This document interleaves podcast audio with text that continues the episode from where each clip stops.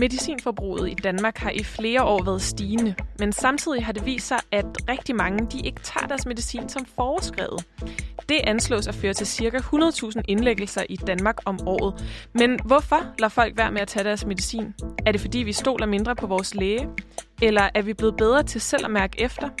Og er vi mennesker overhovedet i stand til selv at overveje risici ved den medicin, som en læge har ordineret til os? Vi har en fornemmelse af, at vi måske ikke får den bedste behandling, men vi kan ikke få den bedre, for der er ingen læger, der gider at komme ned.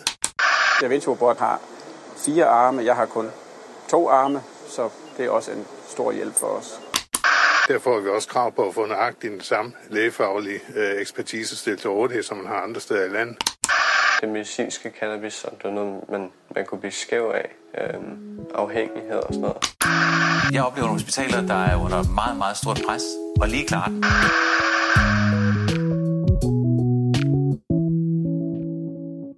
Velkommen til Boblen. Mit navn er Veronika, og i denne her sæson 4, der undersøger jeg, hvilken rolle sundhedsvæsenet spiller i vores samfund. Hvem der tager beslutningerne om de sundhedspolitiske spørgsmål, og på hvilket grundlag de gør det.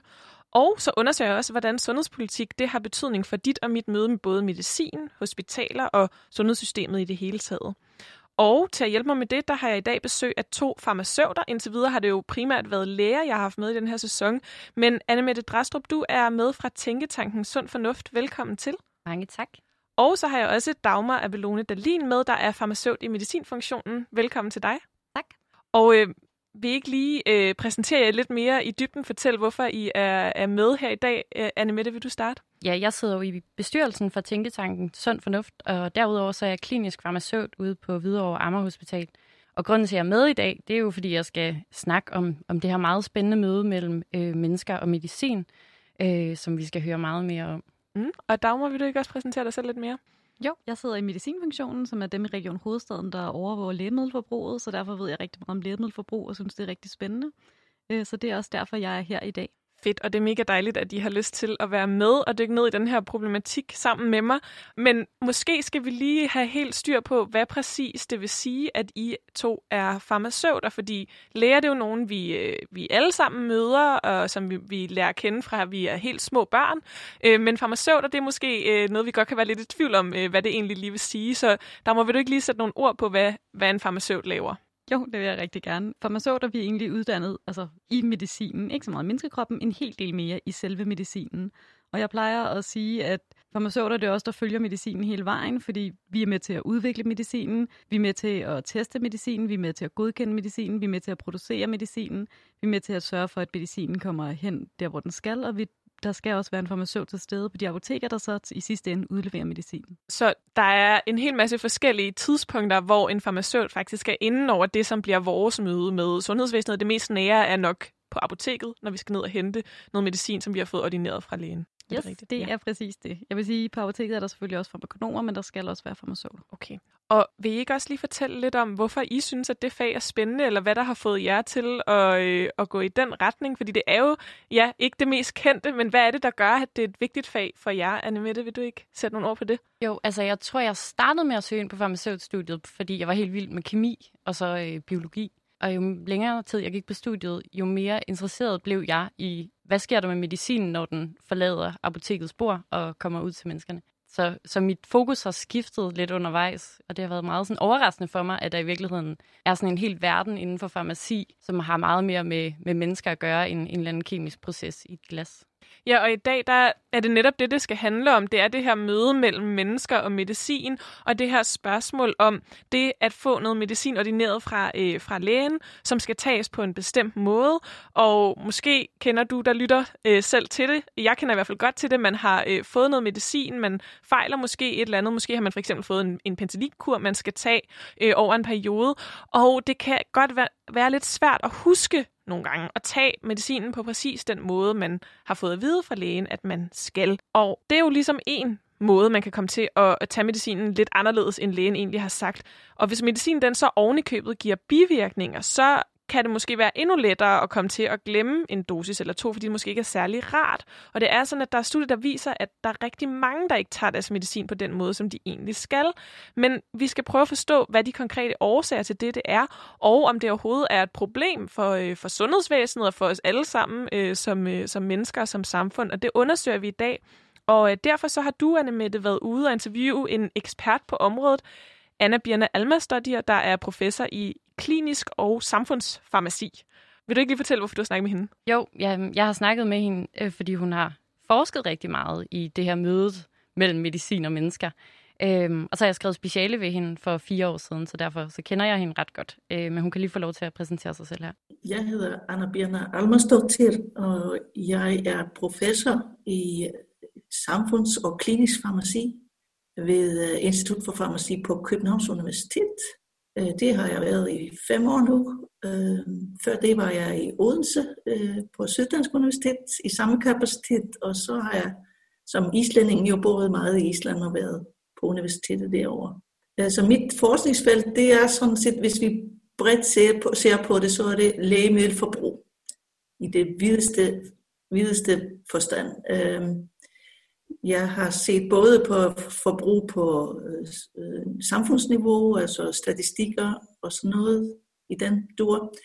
Øh, men jeg har øh, lige fra starten af min forskningskarriere har jeg også været meget interesseret i patientperspektivet på lægemidler. Ja, så Anne Birna Almerstad hun skal altså hjælpe os med at forstå det her møde mellem medicin og mennesker, og hvorfor det nogle gange kan være lidt svært at, øh, at følge øh, den ordinering, man har fået fra sin læge, eller den, de regler for, hvornår man skal tage medicin, man har fået at vide. Hvorfor man måske både kan komme til at glemme det, men hvilke andre årsager der også kan være til, at folk ikke tager deres medicin, og hvad det betyder for, øh, for den tilgang, der er i, øh, i sundhed sundhedsvæsenet.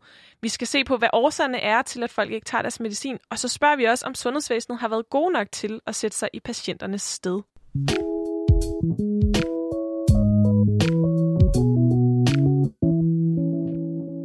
Ja, fordi der er altså en tendens til, at rigtig mange mennesker de slet ikke tager den medicin, som en læge har ordineret til dem på den måde, som de har fået at vide, at de skal.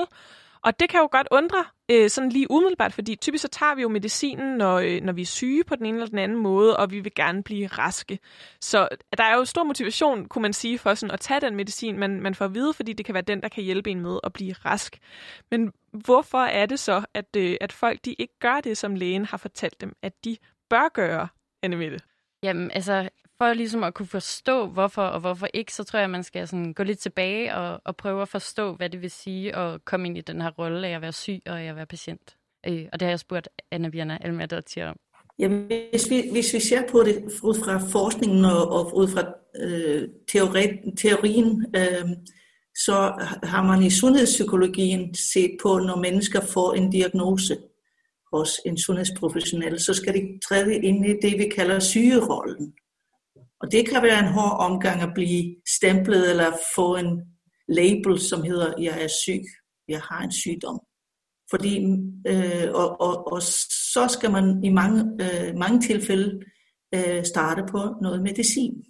Øh, og, det, og medicinen bliver så faktisk øh, et tegn på, at du ikke er rask mere, at du har en sygdom, og du er patient. Øh, så det gør jo, at øh, mennesker har måske ikke det bedste forhold til medicin, når det starter. Det, som Anna Birner, hun siger her, det er jo, at, at der sker jo nogle sådan helt grundlæggende ændringer i den måde, man opfatter sig selv på, når man begynder at spise medicin. Øh, og hun, hun nævner det her med, at, at, at mange faktisk har en negativ indgangsvinkel til det at starte med medicin. Men det er jo en af de faktorer, der spiller ind i, øh, hvorfor folk fra eller tilvælger at tage medicin. Men hun forklarer det lidt bedre her. Altså hvis vi definerer, hvad, hvad det er at være adherent, øh, eller øh, at efterleve, så er det i, i hvilket omfang en persons adfærd at tage medicin, at følge den diæt, og eller udføre livsstilsændringer, svarer til aftalte anbefalinger fra en sundhedsprofessionel. Og vi kalder det nogle gange compliance i dansk kontekst, men jeg, jeg taler for, at vi bruger ordet adherence. Øh, og, og man har i den her lange forskningstradition omkring adherence øh, haft nogle modeller eller forklaringer. Og der er nogle faktorer i de her modeller, og vi har faktorer som sundhedsvæsenet, altså at at patientens relation til lægen kan jo have en stor effekt på, om man nu øh, tror på det, øh, man har fået øh, ordineret øh, af medicin. Øh, Øh, der er nogle personlige faktorer, for eksempel dine holdninger til medicin, altså hvad du er opdraget med omkring medicinbrug osv. Det kan være noget i nærmiljøet, for eksempel at familien har en indflydelse, meget gerne har, har øh, ægtefælder en indflydelse på, hvordan man bruger lægemidlerne. Øh, patientens økonomi kan have en stor indflydelse, og altså, hvis man ikke har råd til medicin, så selvfølgelig begynder man at tilrettelægge sin med, med, sit medicinforbrug ud fra det. Eller øh, prioritere måske mad over medicin. Ja, vi kan jo så set ikke kun klandre patienten for non Altså det ligger ikke kun i deres holdninger. Der er selvfølgelig miljøpåvirkninger øh, og øh, systempåvirkninger på den. Ja, der her der fik vi lige øh, også kaste nogle begreber øh, ind, som jeg lige har brug for måske at få øh, sådan genforklaret, så jeg lige har helt styr på, øh, hvad det var. Øh, Dagmar, kan du lige sådan opsummere de her to øh, begreber, som, øh, som vi fik introduceret her? Yes, så øhm, når vi taler om medicin, så er adherence det er jo det her med, om patienten de tager deres medicin, øh, sådan som lægen har sagt. Og det vil så sige, at hvis man er non-adherent, så betyder det, at man ikke tager medicinen, som lægen har sagt. Og det kan jo både gøres tilsigtet, så det vil sige, at man har valgt ikke at tage medicin, og det kan selvfølgelig også gøres utilsigtet, øh, så man simpelthen glemmer, øh, hvordan man skal tage medicinen, eller glemmer at tage den.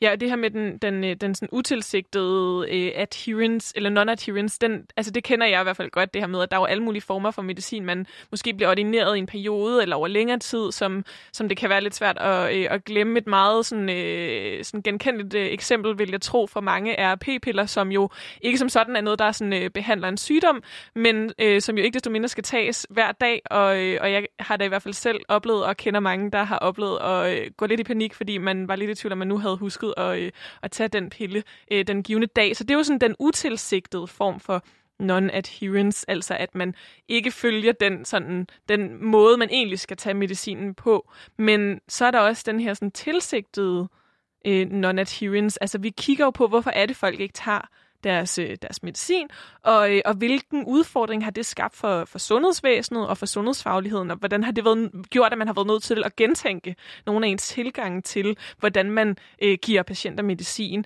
Og, og denne her sådan bevidste øh, non-adherence, altså fravalg af medicin, der er jo en masse forskellige faktorer, som, øh, som vi også hører omkring i det her klip, altså både øh, økonomiske faktorer, sociale faktorer, altså måske har man ikke råd til den medicin, man har brug for, eller måske har man øh, har man en familie, som er meget skeptisk over for lige præcis den form for medicin?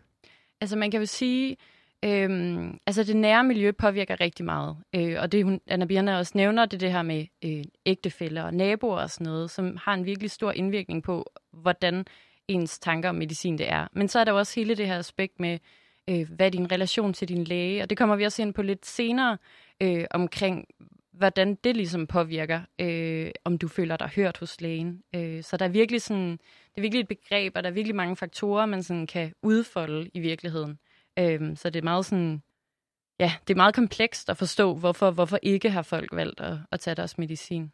Ja, og det er jo også øh, det er jo interessant, fordi at det jo både kan sige noget øh, om, at, øh, at folk måske har svært ved at øh, forstå, hvad de får at vide, de skal, eller at folk måske ikke stoler 100% på det, de får at vide fra, øh, fra øh, lægen eller sundheds, øh, den sundhedsfaglige person. Og det er jo med til, at, eller det, kan vi, det skal vi jo dykke ned i, fordi hvis det er tilfældet, at det for eksempel handler om, at folk øh, ikke stoler på, på det, de får at vide, så øh, har vi jo et problem i relationen mellem sundhedsvæsen og, og patienter. Og det er jo det, der er interessant, synes jeg, ved at dykke ned i det her. Hvad er det præcis, der ligesom sker i mødet mellem patient og, øh, og sundhedsfaglighed, øh, og hvad er det, der gør, at, at nogen måske ender med så ikke at, øh, at være adherent med det her begreb, som vi fik introduceret. Men jeg tænker også, at der, ligesom der kan være forskellige faktorer i forhold til, hvorvidt man, man sådan følger den øh, medicin, man har fået ordineret eller ej, så er der vel også i en eller anden grad forskel på, at det forestiller mig, hvilken medicin der taler om. Altså, der, der er måske noget medicin, som, som, er vigt, som kan føles vigtigere at tage end andet. Øh, er det noget, som sådan gør sig gældende i forhold til at være adherent eller non-adherent? Ja, altså det spiller virkelig meget ind, om det er noget, du kan mærke lige nu og her, eller om det er noget, du, du først skal se konsekvenserne af om mange år. Øh, men jeg spurgte faktisk Anna Birna lidt ind til, da hun forklarer lidt, hvad det er for nogle forskellige typer medicin, der er talt om. Så man har jo målt på det i sådan nogle øh, databaser, der kan måle, hvor, hvor tit man kommer og henter sin medicin.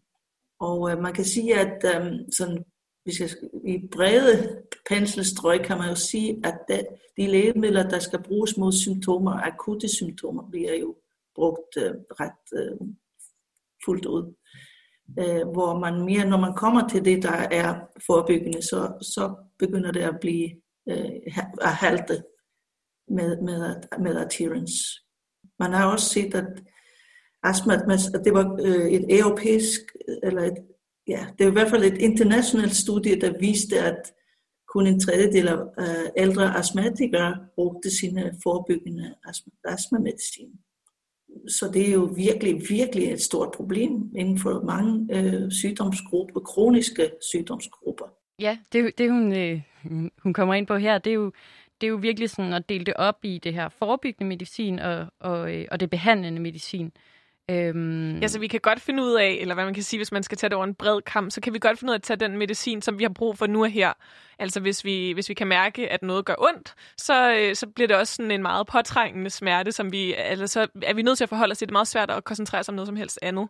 Men hvis det er noget, som vi måske ikke kan mærke en effekt af nu og her, så er det altså lidt sværere sådan at huske og følge de råd, der er kommet. Ja, ja. Det er jo virkelig, altså, det er, jo, det er på en eller anden måde øh, altså, logik for burhens. Altså, hvis du kan mærke, at du tager det, så selvfølgelig tager du det. Øhm, men det har også været noget af grunden til, at jeg ligesom har valgt Anna Birna at, at tale med, øh, er jo fordi, at, at WHO, altså øh, World Health Organization, har lavet den her rapport, som viser, at op til 50 procent af folk, der spiser forebyggende medicin, øh, faktisk ikke tager det. Og det er jo virkelig sådan det, det sprang virkelig mig i øjnene, øh, og var meget sådan, ja, grunden til, at jeg valgte, at vi skulle snakke om det i dag. Ja, fordi det lyder jo også som ekstremt, altså ekstremt mange mennesker, og især når der er tale om en form for medicin, som jo har sådan en langsigtet effekt, øh, og som jo er nødvendig på en eller anden måde, du tager, hvis det skal have en effekt. Øh, så, og det virker også interessant, altså vi skal prøve at dykke ned i, om det handler om, at folk øh, oplever måske bivirkninger, eller om det kan handle om, at folk måske øh, glemmer det, eller hvad der kan være årsagen. Men det er i hvert fald interessant det her med, at det virkelig bonger ud, når det handler om den her sådan langsigtede form for, øh, form for medicinering. Altså man kan jo sige, altså uden at have nogen tal på det, eller opbygge det med noget som helst, men altså mennesker er jo virkelig dårlige til konsekvensberegning. Øh, og ligesom forstå, hvad er en risiko overhovedet.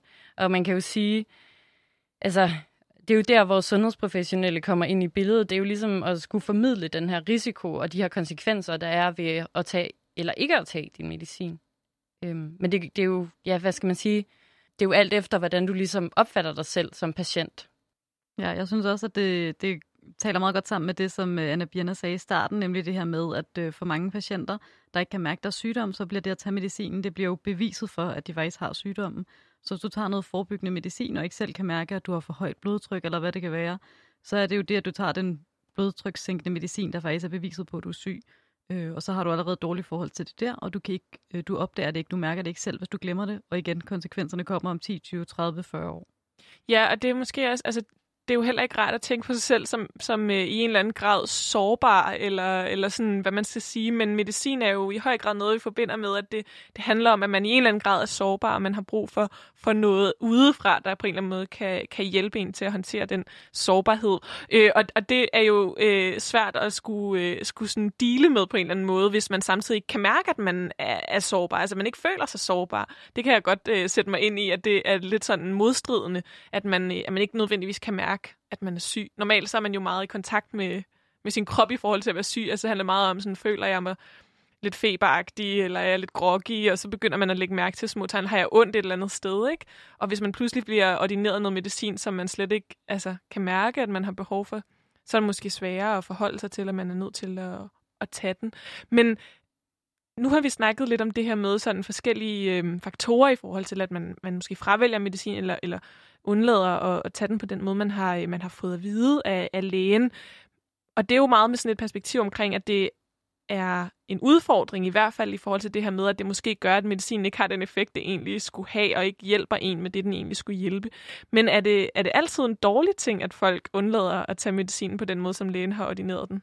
Altså det, øh, det spurgte jeg Anna Birna ind til, men, men man kan jo sige det her med, du også selv nævner det her med at kan mærke. Altså det er jo ikke, det er jo ikke en dårlig ting rent faktisk at kunne mærke, at det her medicin, det, det hjælper ikke. Øhm, øh, men det forklarer hun lidt her. os, der har arbejdet med det, har set, at øhm, øh, mange lægemidler er faktisk ikke øh, hensigtsmæssige øh, i, den, øh, i, i den liste af lægemidler, de har. De har måske bivirkninger, øh, eller de, øh, de øh, har ikke brug for dem mere. Der er nogen, der har ordineret det for lang tid siden, men der er ingen, der har seponeret, altså stoppet behandling. Og når de stopper sådan en behandling, hvor de har bivirkninger eller ikke har brug for den mere, så kalder vi det intelligent non-adherence. Altså det, det er en god ting faktisk. Så det er ikke altid dårligt, at folk er, er non-adherent. Og så indbefører hun jo faktisk lige et ekstra begreb oven i de to, vi allerede har lært i dag. ja, man skal lige holde tungen lige i munden. Ja, hun siger intelligent non-adherence. Øh, og det, vil jo, det betyder jo, at folk har taget en, en hvad skal man sige, en afvejelse af, om de har lyst til at tage medicin eller ej, fordi at de kan mærke, øh, at det er bedst for dem. Måske har det ikke nogen effekt, eller måske har det for mange bivirkninger. Øh, men, men ja, hun, øh, hun kommer med et eksempel på en, en ældre patient, som har nogle overvejelser omkring det her med at tage medicinen. Vi kan jo tage et eksempel på en ældre person, som skal starte på noget, der er forebyggende. Og den ældre person øh, siger, jeg vil afveje øh, det at få mulige bivirkninger over for at leve måske øh, tre måneder kortere. Og det, det er sådan nogle, og det, det kræver jo en dialog mellem patient og sundhedsprofessionel om, hvad skal vi vælge? Hvad er bedst for mig? Og det kan jo have en stor indflydelse i adherence, at man har haft den her. Ja, har, har, er der ligesom de her overvejelser omkring, øh, omkring, om man skal tage sin medicin eller ej? Øhm, Ja. ja, og det er meget interessant det her med, at altså, der kan både være det her med, at man kan, øh, altså man måske opdager, øh, øh, det er jo en selv, der på en eller anden måde måske opdager, at den her medicin giver mig nogle bivirkninger, som er ubehagelige, eller jeg kan simpelthen ikke mærke, at den hjælper mig overhovedet. Og der kan det måske være en god idé så at være lidt øh, skeptisk over for, om det nu også øh, giver mening. Men ifølge Anne Birne Almastadtir, der er det altså også en øh, samtale, man så skal have med, med sin, øh, sin læge eller anden øh, sundhedsfaglig øh, øh, person. Men, men så er der også den her med, at der kan jo også være, at, at medicinen den sådan set virker, og den sådan set forlænger øh, for eksempel... Øh, altså ens livslængde, altså at man kan leve længere, men hvor der simpelthen kan være nogen, der siger, jamen, jeg synes, at den øh, forringer øh, min livskvalitet så meget, fordi det måske har nogle bivirkninger, eller begrænser, hvad jeg kan, at jeg skal spise på en bestemt måde, eller et eller andet, at jeg simpelthen vælger at sige, nej, jeg vil hellere, så vil jeg hellere leve lidt kortere tid til fordel for at have en større livskvalitet, og derfor fravælger medicinen. Så det jo også kan være en form for sådan, ja, det ved ikke, aktivt valg, man tager som, øh, som patient, hvor man i en eller anden grad med relativt åbne øjne er klar over, hvad konsekvenserne af, af det, det kan være.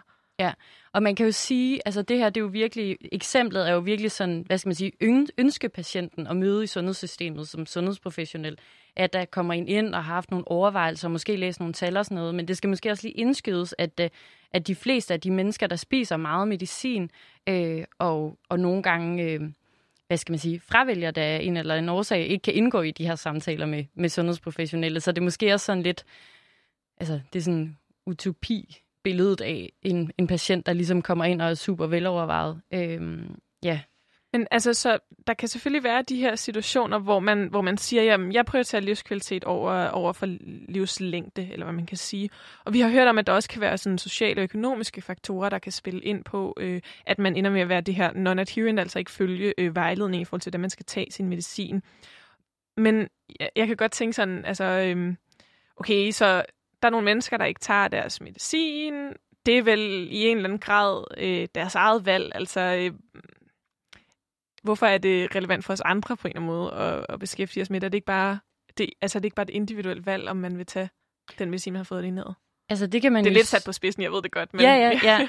Altså, man kan jo sige, det, det er det jo. Det er jo op til dig selv. Men jeg tror, sådan, det jeg vil advokere for, og det, det som jeg synes er, er virkelig vigtigt, det er jo, at, at de her overvejelser, dem tager du med op til din læge. Altså, så din læge ved, hvad det er, om, om du spiser medicin eller ej. For det kan jo være, der, det kan jo være svært ligesom at finde ud af, om medicinen hjælper, hvis du ikke ved, om patienten eller ej spiser det. Og så der er selvfølgelig noget i forhold til at finde ud af, hvad kan man sige, at der er nogle bivirkninger for eksempel, eller at, øh, at patienten i en eller anden grad oplever, at det her, det ikke fungerer ikke for mig med den her øh, medicin, som det kan være godt for lægen at opdage, mm. og kan være en grund til, at man skal snakke med sin, øh, sin læge eller en anden sundhedsprofessionel.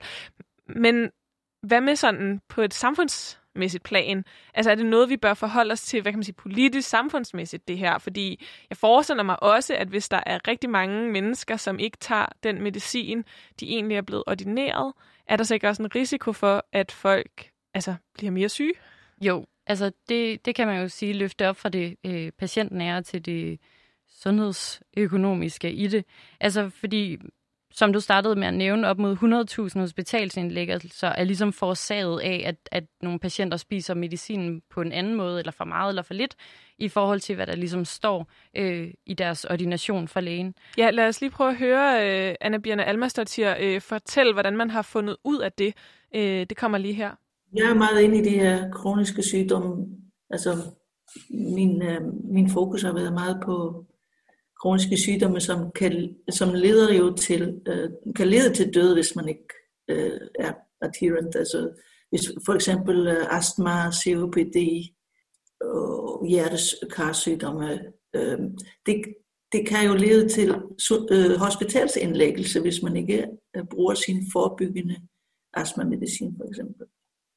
Og det, det har man jo vist, altså vi har jo regnet lidt på, hvad det koster det danske samfund, at man ikke bruger lægemidler til kroniske sygdomme. Og det har vi har fundet ud af ved at sådan overføre både øh, svenske og, og, og amerikanske studier på danske forhold, og det er omkring 100.000 indlæggelser om året, der skyldes, at man ikke har brugt sine lægemidler rigtigt.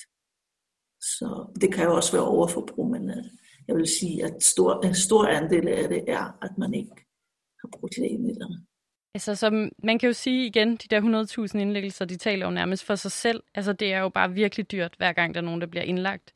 Øhm, et eksempel kunne jo for eksempel være, nu har vi talt lidt om det her med blodtrykssænkende medicin. Altså, hvis du ikke spiser din blodtrykssænkende medicin, så kan det være, at du får en blodprop, og det er helt vildt dyrt. Øhm, så det er jo virkelig, virkelig vigtigt, at at man skal sige, at, at man får patienterne med i de her overvejelser, og, og man ligesom, hvad skal man sige, skaber større forståelse for, øh, at det er vigtigt at spise sin forebyggende medicin. Øhm, ja, så det her, det er, det er altså øh, ikke kun en udfordring i forhold til den, den enkelte person, som måske får en, en dårligere behandling, kan man sige, end, øh, end de egentlig øh, burde få. Det er også noget, som vi i en eller anden grad må diskutere på, på sådan samfundsøkonomiske øh, planer, som det måske er mere tydeligt, hvis man har sundhedsfaglige briller øh, på, at der er en udfordring med det her. Øh, det er måske ikke noget, som, øh, som vi andre øh, er så opmærksomme på, det her med, at det er dyrt at, øh, at have indlæggelser. Det er i hvert fald noget, som først er blevet øh, kommet i min bevidsthed i forbindelse med, at man har snakket så meget om det med corona, og at der ikke skal få meget pres på hospitalerne og sådan nogle ting, at der er en hel masse sådan, øh, øh, udgifter forbundet med øh, hospitalsindlæggelser, som man også skal forholde sig til.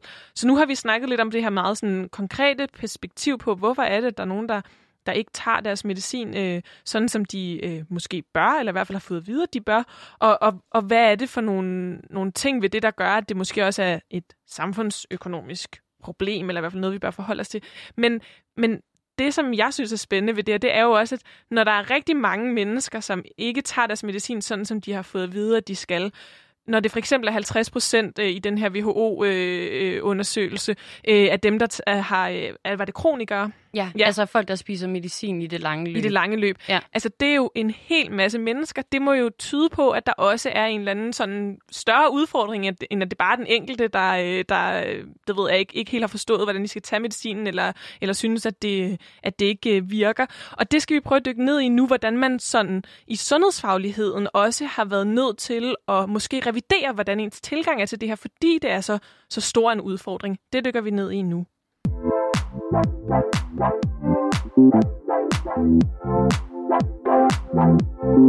Du lytter til Boblen, hvor jeg, Veronika, sammen med farmaceuterne Annemette Drastrup og Dagmar Abelone Delin undersøger, hvorfor der er så mange, der ikke tager den medicin, som deres læge har ordineret dem.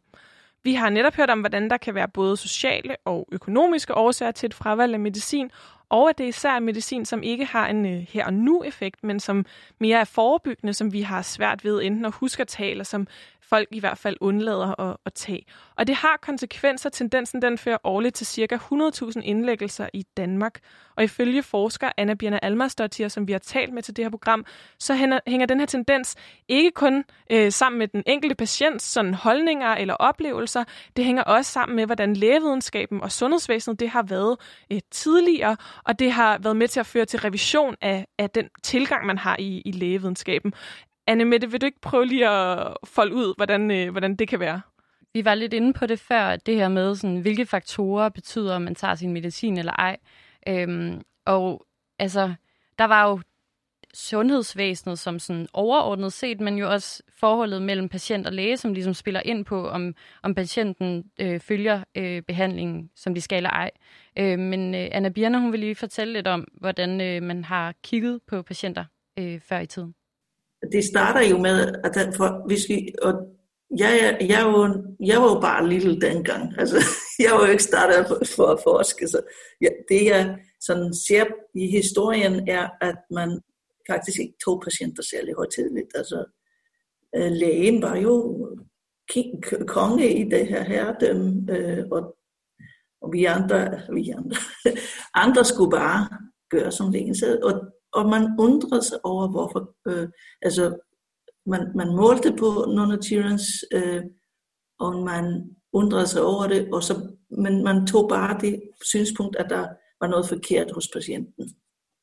Det, start, det var udgangspunktet, så man gik lidt længe med den, og prøvede at, at gøre noget for at uddanne patienter, og fortælle dem lidt bedre, hvad, hvad de skulle, men det, det var ikke så særlig, havde ikke særlig stor effekt. Så så man er, altså derfor gik, gik man i krig med at finde ud af, hvad er det, der gør det. Og så har man kommet så langt. Ja, det er, jo, det er jo lidt sjovt at høre det her med, at førhen har man bare kigget på patienterne og sådan synes, at de var rigtig dumme, hvis de ikke spiste medicin, som lægen havde sagt. Fordi lægen var jo ligesom lederen i sundhedssystemet, af den, der besluttede ting og sager. Øhm. Ja, og jeg tænker også, at altså, øh, udover at man måske fra, sådan, fra lægevidenskaben har, ikke har interesseret sig så meget for, hvad årsagerne kunne være, fordi man bare har tænkt, at det var, fordi folk ikke forstod, hvad, hvad de skulle gøre, så øh, hvis man nu som patient rent faktisk er kommet og sagt til sin læge, jeg har lidt svært ved at huske at tage min medicin, eller jeg synes, det her giver mig nogle bivirkninger, eller et eller andet, og man så har mødt en læge, som øh, på en måde ikke har taget en alvorligt, så øh, opstår der måske også en kløft, som gør, at man så ikke kommer en anden gang. Ikke? Altså, så der er jo også noget i den her, men når lægen er sådan en autoritet, øh, sådan meget fast, så bliver det måske også svært at have en, en åben samtale med sin læge, som vi måske i højere grad, i hvert fald, prøver at have i dag, vil jeg forestille mig. Ja, altså vi prøver i sundhedsvæsenet meget mere at have fokus på, at øh, det skal være en dialog med patienten, og ikke bare øh, øh, sundhedspersonale, der fortæller patienterne, hvordan og hvorledes det hele står til. Øhm, og jeg tænker også noget af det, som øh, Anna Birner snakker om her, det er jo også, at man tidligere øh, har man set, at hvis patienter var non-adherent, så har man tænkt, at det var utilsigtet. Så har man tænkt, at enten så var det utilsigtet, og de har glemt det, eller ja, på anden måde ikke forstået ordentligt, hvorfor det var vigtigt, eller hvad det var, eller også så var de bare virkelig dumme, til at nu har man øh, indset, at man nok bliver nødt til at se, øh, se det fra patientens side, og prøve at forstå bedre, hvorfor det er, at de ikke tager medicinen. Ja, fordi det er jo også, altså der kan jo være ret alvorlige årsager til, at folk ikke, øh, ikke tager medicinen, og, øh, og det øh, kan jo også handle om den måde, man skal tage medicin på. Det skal vi også prøve at dykke lidt mere øh, ned i. Men nu nævnte du det lidt, øh, Dagmar, det her med, at man i hvert fald prøver i større grad at have et fokus på patienten, og hvordan det opleves, øh, når man kommer ind og ikke er øh, selv er øh, inden for sådan sundhedsverdenen, øh, og pludselig skal, øh, skal tage noget ny medicin. Så hvor er det, man har bevæget sig hen sundheds, øh, sundhedsfagligt og lægevidenskabeligt øh, i dag? Altså, øh, Anna Bjerner ligger jo op til det, det her med, at altså, patienten skal inddrages og skal med ind i de her beslutningsprocesser, og det er jo det er jo sådan, det er jo sjovt, hun nævner, jeg kan ikke lige huske, om hun gør det i klippet, eller til mig fortæller hun, at man har faktisk forsket i non-adherence i 50 år. Og så er det jo altså, øh, ret øh, vildt, at man ikke er kommet videre og fundet ud af, øh, hvad skal vi så gøre ved det, når vi skal så have patienten med. Øh, så det, det prøver hun at sætte nogle flere ord på her. Nu er vi nået til den næste øh, fase, øh, den fase, hvor vi er nu, hvor vi faktisk vil forske og, og, og gøre noget øh, ud fra patienten. Og man ved, at der er ikke noget, der er et, en, en rigtig måde at behandle folk på. Altså, at, øh, selvfølgelig har lægen et synspunkt på, hvad der skal gøres. Men patienten har også et andet synspunkt, som er meget, man er begyndt at sige, det er også validt, altså det er også gyldigt. Det skal også tages ind. Og man skal ikke øh, begynde at smide penge efter noget, som, man, som patienten ikke synes er øh, noget, der passer til deres liv. Ja, så hun, hun siger jo igen det her med, at man skal kigge på patienten, og man skal tage dem ind øh, i beslutningsprocesserne på vejen. Men hun siger jo også samtidig det her med, jamen, ingen patienter er ens. Øhm, så det er, jo, det er jo virkelig, virkelig komplekst at, at skulle gøre det her. Øh. Ja, og jeg synes jo også, altså jeg synes det her altså, grunden til, at jeg synes, det her emne det er så interessant, det er fordi det her med, at man på en eller anden måde er gået fra, altså jeg tror, når jeg tænker på lægevidenskaben, så tænker jeg også på sådan en lidt stiv form for videnskab. Altså, øh, hvor man, øh, hvor man holder meget på, på det, man, øh, man ved, og hvor man øh, måske er meget sådan autoritet. Og, og læger har jo også historisk set haft en meget øh, fremtrædende rolle, også øh, lokalsamfund, og, og været sådan øh, en eller anden form for sådan, øh, ja, sådan, også sådan autoritet over for, øh, over for andre borgere i, i samfundet.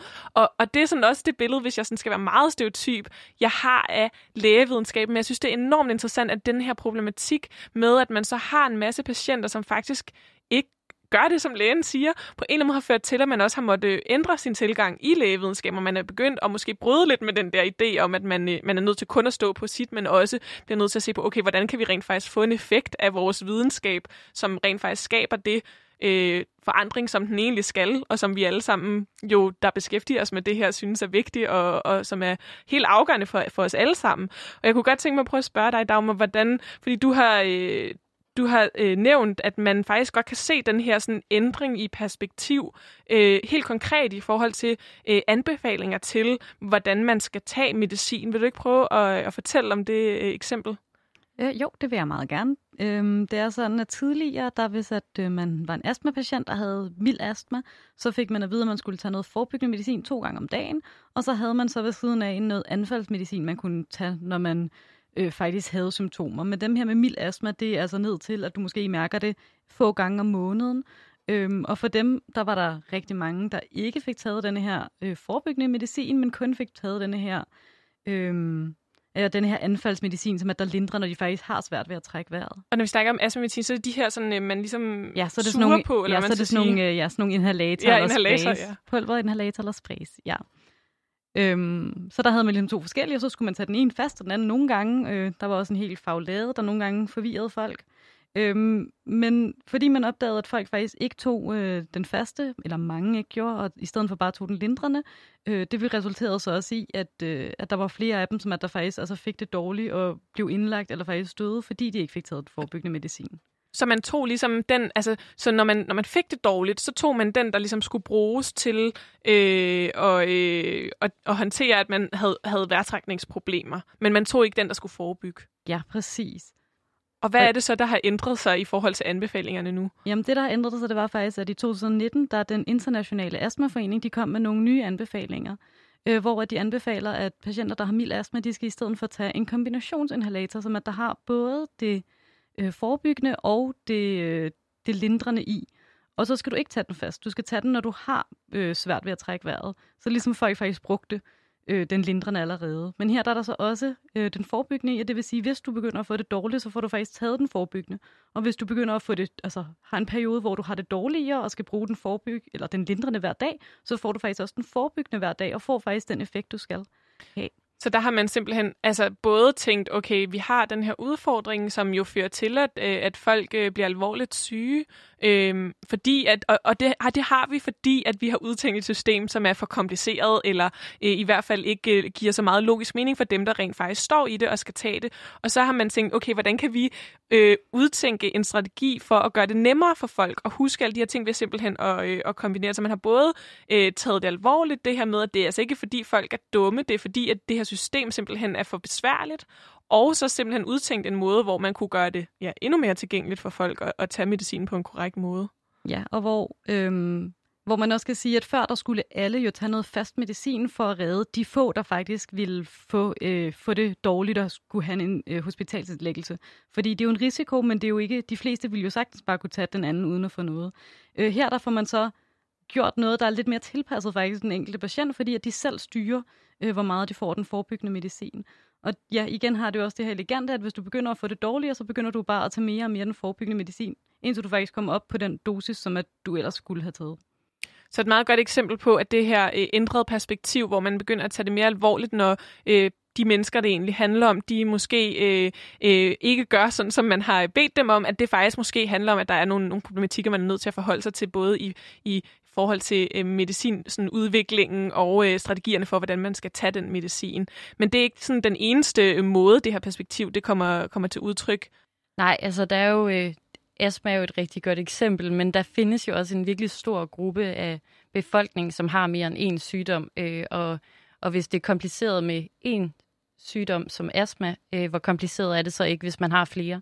Og det, det fortæller Anna Bjerna Almerdottir lidt mere om. Øh, så har man også øh, i større grad også begyndt at forstå sig på, at en, en patient er ikke kun øh, en sygdom. Altså det, det er en patient, der mange gange øh, nogen, der har både en, flere sygdomme. Altså mange af vores lægemiddel, øh, faste lægemiddelbrugere har flere sygdomme end en. Men der er stadigvæk så mange silo, siloer i den, det her system. Altså hjertelægen øh, ser kun øh, patienten som hjertepatient, og endokrin, endokrinologen ser kun øh, patienten som en, der har diabetes, øh, og så videre.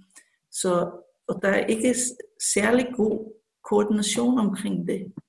Og patienten har svært ved at holde styr på tingene og, øh, og bliver nødt til sådan at navigere selv øh, meget i det system, som er bygget op på den her måde. Og det gør jo også øh, gør det svært at være adherent, hvis man får lægemidler fra et, et sted, øh, som måske ikke øh, har interaktioner med noget, der kommer fra et andet sted.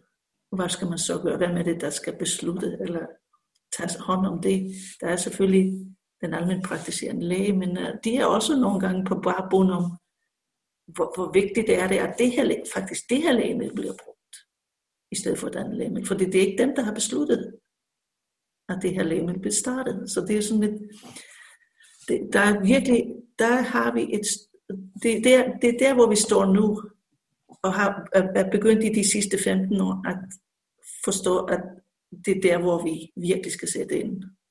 Og patienterne bliver en af de der parter, der skal ind til bordet, når vi skal prøve at løse det.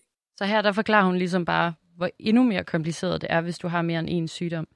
Øhm, og det er jo, øh, hvad skal man sige, det er jo patienten, man ligesom skal tage udgangspunkt i, og hun, hun foreslår det her med, at man ligesom skal forske i, hvad det er, patienten i virkeligheden gør, når de er blevet forvirret. Altså, hvor er det, de går til? Fordi øh, tit er det jo den patientens almenpraktiserende læge, øh, som ender med at sidde med de her lange, lange medicinlister.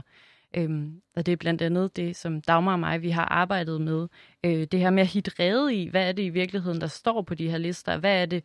Er der noget af det, der ikke er aktuelt mere? Altså, hvordan kan man ligesom hjælpe patienten i at, at holde styr på det her meget komplicerede øh, Ja, fordi, behandling. Fordi det kan jo være en løbende proces også, hvor man i en periode tager noget medicin, som så ikke lige pludselig ikke længere er behov for, men det bliver måske ikke lige fjernet fra, øh, fra listen, så det, og det får man måske ikke lige fundet ud af, at man skal lade være med at tage det. Det står måske stadig i hvert fald, at, øh, at patienten tager det, selvom de måske ikke har gjort det i, i, i lang tid. Så der kan være alle mulige forskellige øh, grene, især i de her, sådan, hvor man har flere sygdomme, hvor der kan være alle mulige udviklinger i de og kryds over, forestiller jeg mig også, af, af forskellige øh, konsekvenser øh, ved, ved at have flere sygdomme og forskellige medicin, der skal behandle de flere sygdomme.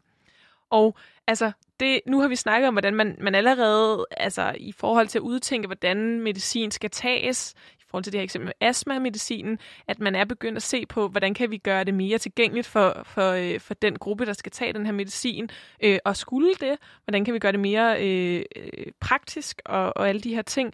Men det her spørgsmål omkring, at der lige pludselig opstår de her lange lister, det kan være svært at overskue, det kan, det kan være svært også sådan, som person at gennemskue, alle, altså hvad skal den her medicin over for den her medicin, det hele det er bare små hvide piller, og jeg kan ikke kende forskel. Sådan tror jeg godt, man kan få det. Øhm, hvad skal man stille op med det? Altså sådan, hvad er der brug for, at man i sundhedsvæsenet øh, gør endnu mere af?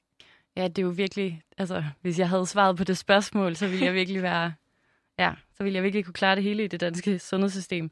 Altså, det er jo vildt svært. Øhm, det er jo virkelig, virkelig, virkelig svært. Øhm, altså, det, man kan gøre, er jo ligesom at, at lytte. Altså igen, jeg, jeg bliver ved med at sige det samme igen og igen. Lytte til patienten, men patienter har jo prioriteret deres medicin. Også selvom de får øh, 23 forskellige slags for deres fem kroniske sygdomme, så har de jo prioriteret ind i deres hoved, hvad, hvad er vigtigt for dem. Øhm, så det kan godt være, at hjertelægen siger en ting, og diabeteslægen siger en anden ting.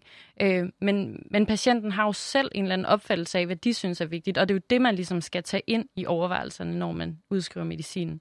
Men Anna Birna, hun, hun kommer faktisk med et forslag til, øh, hvad man ligesom kunne gøre øh, lidt nemt. Nu ved jeg ikke, om der er forskning omkring det i Danmark, men jeg tror faktisk, at uh, de fleste læger får, får en god snak om det. Men øh, at mm, det, man kunne måske gøre ekstra, vil, vil være at følge op på det. Altså tage en snak lidt længere hen, altså måske en måned senere, for at se, hvordan går det.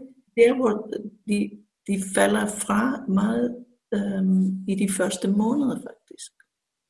Som jeg har set det på, på nogle øhm, studier, at, øhm, at det, det er faktisk meget kritisk, at man finder ud af de, i de første måneder, om de faktisk har bivirkninger, fordi man kan jo skifte til et andet lægemiddel, ligesom, som har lignende virkning.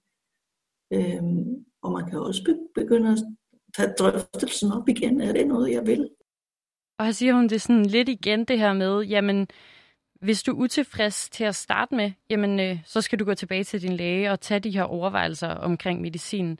Og man kan sige, det er jo ikke det er jo ikke fordi, der ikke bliver gjort noget. Der bliver jo gjort alle mulige ting rundt omkring i vores sundhedssystem, for ligesom at fange, fange de her samtaler og de her mennesker, som, som øh, stiller spørgsmålstegn ved deres medicin. Øh, blandt andet så har man på apotekerne indført noget, der hedder en medicinsamtale eller en kronikersamtale. Så hvis du ligesom er ny kroniker og ny til at tage forebyggende medicin, så kan du blive tilbudt en samtale med en farmaceut, som ligesom snakker med dig lidt mere dybt omkring, hvad, hvad er det, de forskellige ting gør, og du ligesom måske får en større forståelse for, øh, for det her. Øh.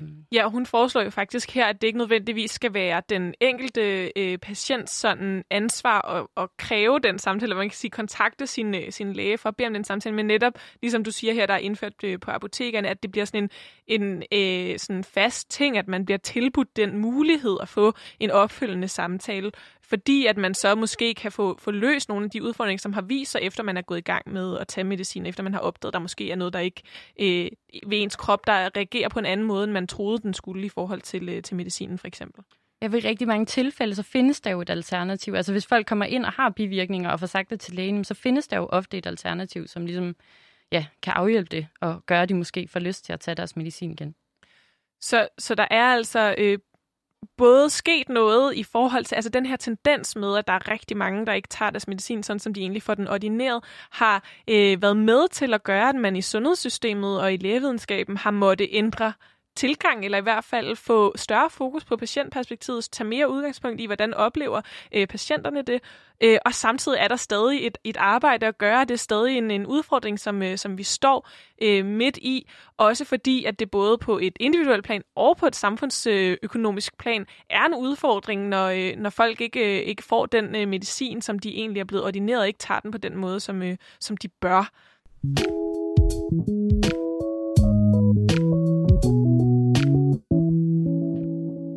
Du lytter til Boblen, hvor jeg, Veronika, sammen med farmaceuterne Anne Mette Drastrup og Dagmar Abelone Dalin, undersøger, hvorfor der er så mange, der ikke tager den medicin, som deres læge har ordineret dem. Det er en tendens, der årligt fører til ca. 100.000 indlæggelser i Danmark, og så er det også en tendens, der har været med til at gøre, at man inden for lægevidenskaben har måttet revidere sit, øh, sit udgangspunkt en lille smule og tage mere øh, ind med patientperspektivet og fokusere mere på, på det. Og Anne Mette og øh, Dagmar, jeg kunne godt tænke mig, altså nu har vi snakket meget om det her med, at det er en udfordring, både i forhold til den enkelte og i forhold til øh, et samfundsøkonomisk perspektiv. Indlæggelser af dyre, hvis de kommer som konsekvens af, at man ikke har taget den forebyggende medicin, som, øh, som egentlig kunne, kunne modarbejde eller modvirke, at øh, man for eksempel får en, øh, en blodprop. Men jeg kan ikke lade være med at tænke på, og vi hørte også lidt om det i starten, det her med, at der er det her med, Øh, jeg tror, at øh, vi, øh, vi hørte fra, øh, hvad hedder det, Anna Birna Almarsdottir, det her med intelligent øh, øh, non-adherence, altså at man øh, måske øh, finder ud af, som, øh, som den, der tager medicinen, at det giver måske ikke så meget mening at tage den mere, eller jeg får faktisk nogle bivirkninger af den her, som er rigtig slemme, og derfor har jeg ikke lyst til at tage den her medicin, altså, som egentlig kan være en god nok ting, eller hvis man afvejer, hvad er konsekvenserne ved medicinen over for, hvad er konsekvenserne ved ikke at tage den, og så tager et, et, oplyst valg om det. Og jeg kan ikke lade med at tænke på, at netop det her med, at lægen jo i så høj grad har været sådan en, en autoritet, og i det hele taget sådan sundhedsvæsenet en autoritet, om ikke det også kan være altså, en god ting, at der er patienter, der forholder sig kritisk til, hvad deres øh, læge eller hvad sundhedsvæsenet ordinerer til dem. Altså om ikke det kan være med til at bidrage til, at man måske også opdager nogle udfordringer med medicinen. Jo, helt bestemt. Altså det er jo, det er jo vildt godt, at folk de mærker efter, øh, hvordan de har det, om de føler, at medicinen den virker. Øhm, Anna Birne, hun fortalte faktisk, at, at de har lavet nogle studier, hvor de har fulgt øh, de her uformelle patientsider på Facebook om øh, hvor at, at der ligesom er den her gruppe af patienter, som diskuterer vidensdeler omkring medicin blandt andet og behandling generelt inden for nogle forskellige sygdomme, og ligesom kigger, hvad skal man sige, på det her lidt grå, den grå information og, og tager det ind i overvejelserne og ligesom bringer det videre til dem, der, der tager nogle flere beslutninger omkring medicin.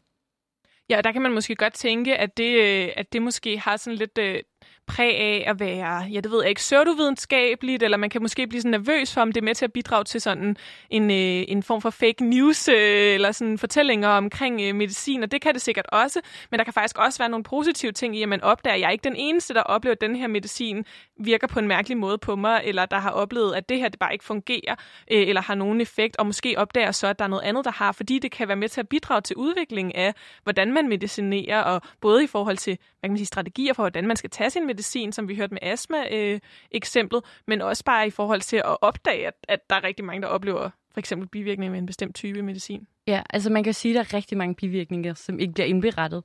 Og der findes jo et, et system bag ved, ved, øh, altså inde i Lægemiddelstyrelsen, som tager imod alle de her indberettede bivirkninger. Og hvis de ser en tendens inden for et eller andet givet lægemiddel, jamen så dykker de ned i det, og så siger de til firmaet, I skal lave nogle bedre studier, I skal komme med noget mere information, fordi vi ser den her tendens.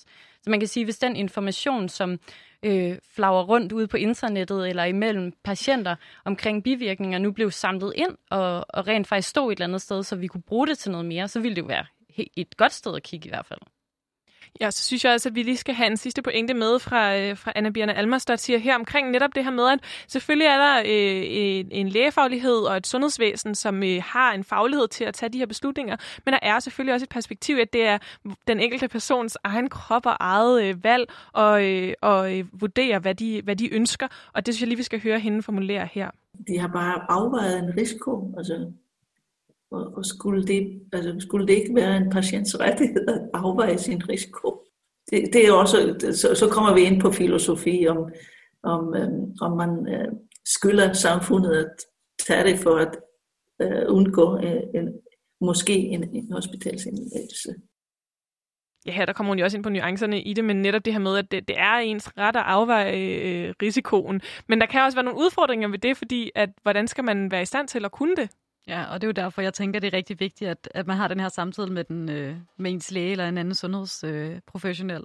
Øh, øhm, det skal jo helst ikke være sådan, at lægen ordinerer medicin, og så går du hjem og vælger der ikke at tage den. Det skal jo gerne være faktisk allerede i, øh, i samtalen med lægen, om den her medicin skal ordineres, øh, at den her afvejning skal finde sted mellem lægen og patienten. Det kan være lidt svært, at man kun har et kvarter eller 10 minutter, men, men det er jo her, den faktisk burde være, og det er jo her, at lægen burde som den sundhedsvidenskabelige fortælle eller give al den viden, de har om medicinen, sådan, så patienten faktisk i sidste ende kan træffe beslutningen om, øh, ja, om det er det, de vil.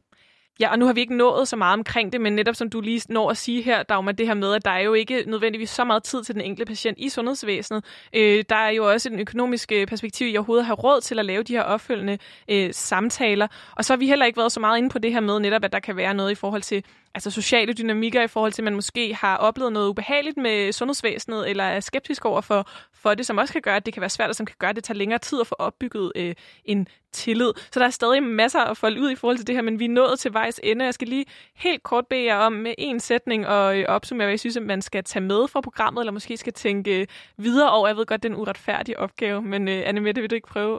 Jeg tænker, at man skal følge op og finde ud af, om medicinen giver mening, også efter man er startet. Og Dagmar? Jeg tænker, at man som patient skal huske faktisk at tale med sin læge om, hvad man oplever, og hvad ens tanker er, og selvfølgelig hvis man stopper med medicinen, og ikke være bange for, at de står der som de store autoriteter. Det synes jeg var nogle rigtig gode pointer. Tusind tak, fordi I havde lyst til at være med, Anne Mette og Dagmar. Tak, fordi vi måtte. Og tusind tak til jer, der lyttede med.